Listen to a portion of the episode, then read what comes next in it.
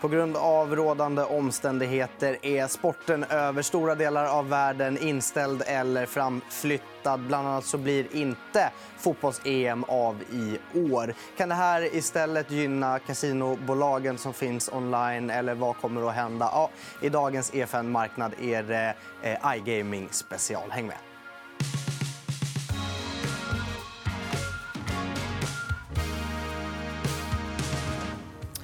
Och med mig har jag Jonas Amnesten som analyserar de här bolagen. Ja, all sport eh, mer eller mindre uppskjuten eller inställd. Hur, hur slår det egentligen? Ja, det är klart det slår väldigt mycket på alla de bolag som har ett, eh, ett sportsbettingfokus vi räknar med liksom ifall alla större event och ligor är inställda så, så kommer det vara ett väldigt stort tapp, speciellt under Q2. Mm. Sen får vi se, se när det kan komma igång. Vissa ligor, Premier League har vi pratat om att eventuellt kan köra igång redan i juni. Vi får se, det, det är lite av ett kanske best case scenario i det fallet. Mm. Eh, jag tänker att vi kan spara resten av, av just sportsnacket till, till sist, så har vi kvar den karamellen. Och så tänkte jag att eh, vi istället skulle prata om tre bolag som du har, eh, har valt ut här. Eh, och vi kan börja med Enlabs som är en, en liten udda fågel så tillvida att de är noterade här i Sverige men större delen av verksamheten är ju fokuserad till Baltikum. Eh, vad tycker du om det här bolaget? Nej, men de har ju ett stort fokus på den baltiska marknaden som växer väldigt snabbt. Eh, det är fortfarande ganska låg online-penetration där, runt 20 Det är låg kanalisering.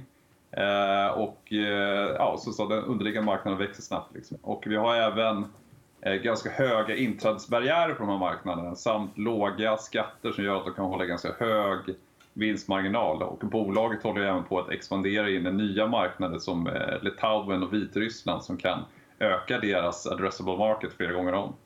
Så det, det, är ett väldigt spännande case. Eh, och ifall vi ska gå in lite på hur sportbookdelen på, påverkar det här så har de ju cirka 30% av sina intäkter från sportbooken. Eh, och det är klart, det kommer ha en effekt. Det, det ishockey eh, är populärt eh, att betta på i, i, Lettland till exempel och där har vi, kommer vi inte ha någon hockey-VM i år. Eh, basket är populärt, NBA, NBA är inställt och eh, även fotboll är ju självklart populärt med alla de events inställda där också. Så det kommer ju ha effekt på de intäkterna i alla fall. Mm. Vi har fått en, en kanske lite ledande Twitterfråga från Pokertrader på Twitter som undrar, i och med att fysiska kasinon stängt ner i, i, i Baltikum där ju då, eh, de här är eh, verksamma. Tror ni att ökande aktivitet då istället för, för online-spel och, och, och kasino kan väga upp tappet av sportspel? Ja, alltså i teorin så bör det absolut göra det. Eh, för folk inte går till kasinon så kommer de säkert en del av de spelarna hamna online istället. Samma sak gäller sportsboken, de som inte kan betta till en del kommer spela kasino. Eh, så det, det är någonting som känns väldigt troligt och rimligt att det kommer ske. Sen så har ju de både vi varit i kontakt med inte sett några jättestora effekter än på kasinodelen utan det har varit i kontakt med ett flertal bolag, ett flertal bolag som har gått ut med pressreleaser om effekterna och eh, allting tyder på att eh, det har en neutral effekt så långt och lite positiv potentiellt. Så de som har suttit och hoppats nu att, för att folk dels är hemma och dels inte har någon fotboll eller hockey att spela på, att det skulle boosta kasinon, det, det är än så länge i alla fall hoppas på för mycket? Ja, alltså det, det är så mycket de har sett hittills har det inte varit jättestora effekter. Men det, vi får se lite längre fram. Jag tänker på att eh, den här, hela den coronaeffekten förändrar spelarmönstren till en början. För att folk kanske är upptagna med att bunkra mat och liknande. Äh, men skämt åsido, det, det, det bör helt klart ha en positiv effekt eh, eh, ja, när, när vi både har nedstängning av, av landbaserade kasinon och spårsboken som inte kan spelas. Så det kommer drivas drivas aktivitet mot online-kasinosegmentet. Så det kanske är något som syns senare då i sådana fall? Ja, det, det, det, man kan tycka att det, det logiskt sett bör vara så. Mm. Eh, om vi pratar lite också om att även om de har eh, fokuserat sig till, till Baltikum så du var inne på att de bland annat försöker expandera till Vitryssland. Eh, Baltikums eh, marknad har vi, eller i alla fall från tidigare program har också lite koll på eh, hur licenserna funkar, hur konkurrensen ser ut. Men hur är, är Vitryssland egentligen i, i sammanhanget där? Ja, det, eh, än så länge så, så förstår jag som att de bör, Endlabs bör kunna komma ut som en av de tidigare aktörerna som har en online-licens. Eh, konkurrensen där har bolaget sagt att den är väl en, eh, ja, än så länge ganska låg jämfört med de andra baltiska länderna. Samtidigt som de har eh, en väldigt låg online-penetration självklart än så länge. För det enda som funnits där tidigare är den svarta marknaden. Eh, men potentialen är stor och spelskatten är där är ju bara 4% så det finns ju väldigt stora möjligheter för dem både växa och, och vara lönsamma där. Så, så, får man ju ha i beaktning att sånt där tar, det tar tid att etablera ett varumärke på en ny marknad. Mm.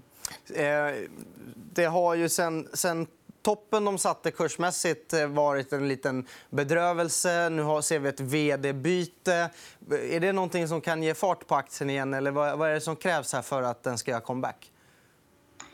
Ja, jag skulle säga att eh, först och främst är att de uppvisar ett eh, ganska hyggligt eh, kvartal. Då för Jag tror att Q1 kommer bli bra. Vi får se vad effekterna blir på Q2. Jag tror ändå att de kommer kunna klara sig ganska bra. De har höga marginaler. Så att det, även fast vi får ett hårt slag på sportsbooken så kommer förmodligen få, få tillbaka lite grann på kasinobiten och eh, de bör fortfarande kunna ha eh, en viss vinst. Då. Och tanke på att de är skuldfria och har en stark kassa på 200 miljoner kronor så, så ser vi snarare som att det här kan säkert vara en möjlighet för dem att göra förvärv eller något liknande. Liksom. De, de, har, de sitter i en väldigt bra position, ska jag säga. Mm. Eh, en annan grej jag tänkte på där med att väga upp. Eh, de har ju sitt varumärke Balticum OptiBet som är lite mer bettingfokuserat. Men nu har de ganska nyligen lanserat ett, ett helt annat brand som är lite mer kasinoinriktat. Eh, Limes, tror jag det heter. Eh, är det ja. någonting också som skulle kunna locka lite fler nöjesspelare kontra de här bettingfantasterna som nu måste ta lite paus? Ja, de ska vi lansera det först och främst i, alla fall i, i Lettland. Då, och jag tror att eh, anledningen till det är liksom att de, de, är ett jättestarkt varumärke. De har jättestor kundbas och de har märkt att de kanske saknar lite aktivitet från de kunderna som är intresserade av kasino. Eh, det kan vara kanske mer mot det kvinnliga segmentet och så vidare. Så jag tror att det handlar mer om att eh, eh, de, de hittar en produkt som nischar in så de kan ta vara på de kunderna som de inte har aktivt på sitt eh, flaggskeppsvarumärke Optibet. Mm. Eh, och sen så innan vi går vidare och pratar om lite andra bolag så måste vi också nämna att de har ju blivit hotade här med böter, eller om de till och med fick det, ifall de inte drar igång i Sverige. För de har ju licens i Sverige, de har bara inte eh, sparkat igång än så att säga. Eh, men nu lovar de ju då att göra det. Vad, kan man vänta sig för Sverigesatsning ifrån dem? Ja, alltså jag tror väl kanske inte man ska förvänta sig att de kommer göra en jättestor satsning utan min teori har varit där främst att de förmodligen har velat köpa någonting i Sverige. Eh, sen så har vi väntat på att marknaden kanske ska stabilisera sig, men nu har vi coronakrisen här då, så att, eh, vi får se framöver. Men de kanske hittar något intressant värv. Men jag tror inte att de kommer expandera eh, in i Sverige med något av deras nuvarande varumärke i, i någon större expansion. Sen går det alltid att göra, eh, gå in på marknaden lite mindre genom olika affiliate deals och så vidare. Sverige är ju lite mindre lönsamt än, än Baltikum generellt. Eh, är det någonting som skulle kunna göra att deras värdering påverkas eller någonting sånt? Att man börjar väga in eh, Sverige, Sverige-exponering? Ja, nej, det tror jag inte. Utan jag tror det, det kan snarare vara så att de har haft en, en, en lite negativ Eh, bild just att det varit mycket, väldigt stort fokus på Baltikum och få länder. Så att jag tror snarare, snarare att det är positivt att de fortsätter att bredda sig lite grann på andra marknader också. Mm. Eh, vi ska såklart också köra en blänkare om Better Collective som är en affiliate likt eh, det många känner till Catena Media till exempel. Eh, men Better Collective är väldigt fokuserade mot sport. Jag har bland annat haft vd här i studion några gånger. De måste ju vara, vara väldigt hårt drabbade nu när de dels har en ganska stor rev exponering och då sporten också så står still. Så att det finns ingenting att få intäktsdelning på just nu. Ja, nej, men det, det har rätt i. Det kommer ju bli en stor effekt under Q2 när många event är borta. Sen får man se liksom hur länge det håller i sig. Det har ju verkligen eh, avspeglat sig i deras kurs också, att de har, de har fallit väldigt eh, brant. Det var inte länge sedan de var över 100 kronor här, lite sväng. Eh, så att de har tagit stryk på börsen och vi förväntar oss också att det kommer vara en negativ effekt i Q2. Sen får man se när, när ligorna kommer igång. Kommer Premier League igång redan i juni, liksom, då, då tror jag att det, det här kan börja vända liksom, Eh, ganska snabbt. Men det, det, det, får vi, det får vi ändå se. Och det man ska tillägga här är att de har ju höga marginaler, de har 40 i ebitda-marginal.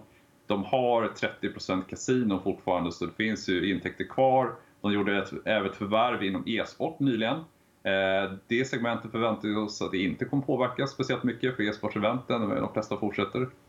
Eh, så jag, jag, tror ändå, och det kommer ändå finnas en del event kvar att spela på, så att det kommer vara ett slag.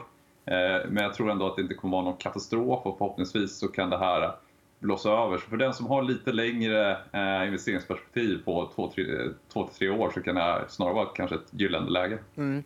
Eh, och jag har faktiskt också tagit fram en graf på, på Kambi och, och Kindred så att man ser två andra sportorienterade bolag hur hårt stryk de har tagit här av, av att det mesta är Eh, är inställt där. Men eh, Better Collective, då, för, att, för att stanna kvar vid dem. Finns det risk att om de nu står några kvartal med, med mindre intäkter än tidigare att det kan köra ihop sig med, med belåning eller liknande ifall de är tungt skuldsatta?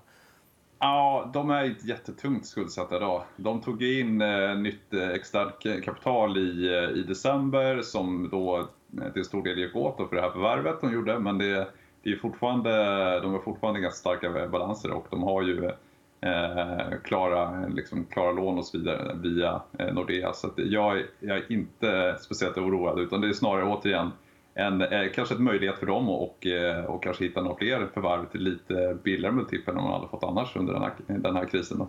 Men det, det, återigen, det, det beror ju på hur länge det här håller på. Säg att det så best case scenario så kanske mycket är igång igen under sommaren.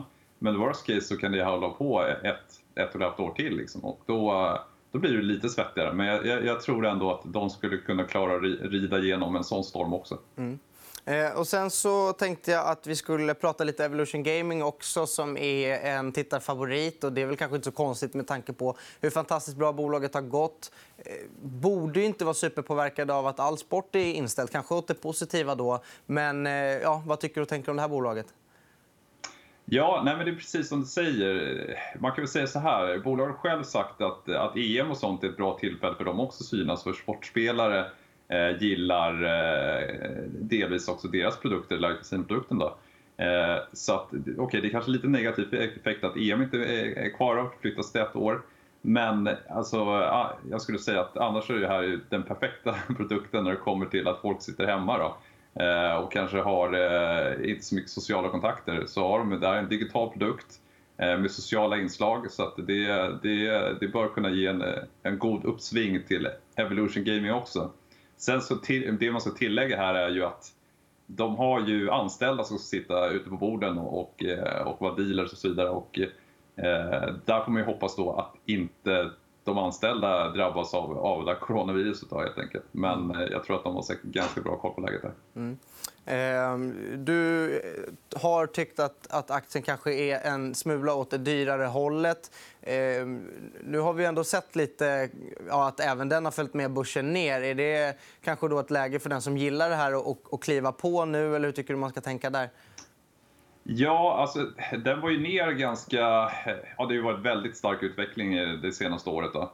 Eh, så var det en dipp i somras, i augusti, där, då, där du hade en del insiders som hade... Ja, eh, marknaden kanske torkade, som hade de sålt en del aktier och sen så hade du väl även strejk, eller strejk i Georgien.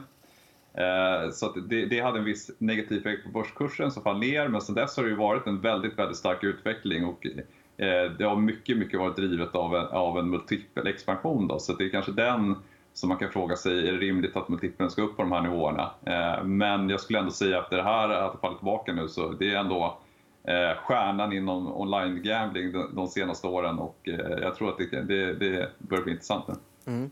Eh, jag tänkte också att vi skulle prata en, en liten smula om, om hållbarhetsaspekten. Jag vet att Bet365 skickade ut till sina eh, affiliates här, om jag tror det var igår, att ni får inte på några som helst omständigheter marknadsföra nu att sitter du hemma och har tråkigt, i, hemma jobbar och har tråkigt eller behöver du vara hemma mer och ha tråkigt, in och spela för att det är omoraliskt och, och inte schysst att utnyttja på det sättet att folk är, är mer hemma eh, sittande, så att säga. Eh, är det någonting vi, som är är ett resultat av den svenska regleringen att bolagen eh, blir lite mer försiktiga med, med sin marknadsföring och att använda eh, den här typen av möjligheter för, för aggressivt?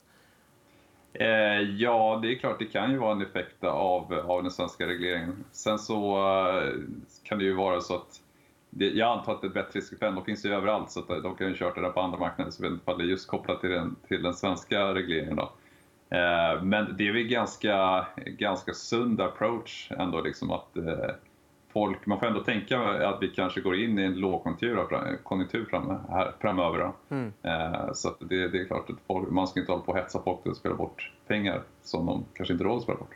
Och, och, en annan del ur, ur eh, hållbarhetsaspekten det är många fondbolag i Sverige som inte vill eller får köpa den här typen av, av bolag. Vad är det för typer av ägare som vi skulle kunna se som kan komma in och, och, och se till att de här eh, kurserna kommer upp? Det måste ju finnas köpare om kurser ska upp. så att säga. Ja, jag tror att eh, branschen har väl lite arbete eh, att göra när det gäller det där. Liksom, att det ska vara mer eh, tryggt spelande. Eh, folk ska inte hamna i kläm och folk ska inte spela bort hus och hem. Eh, och jag tror när, när man kom, får ordning på det så skulle jag inte förvånad ifall eh, vi, vi kommer se fonder och institutioner komma tillbaka till det här segmentet igen.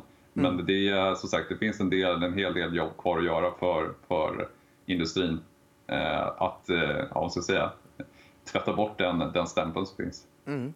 Eh, Jonas Amnesten, tusen tack för att du var med i dagens EFN Marknad.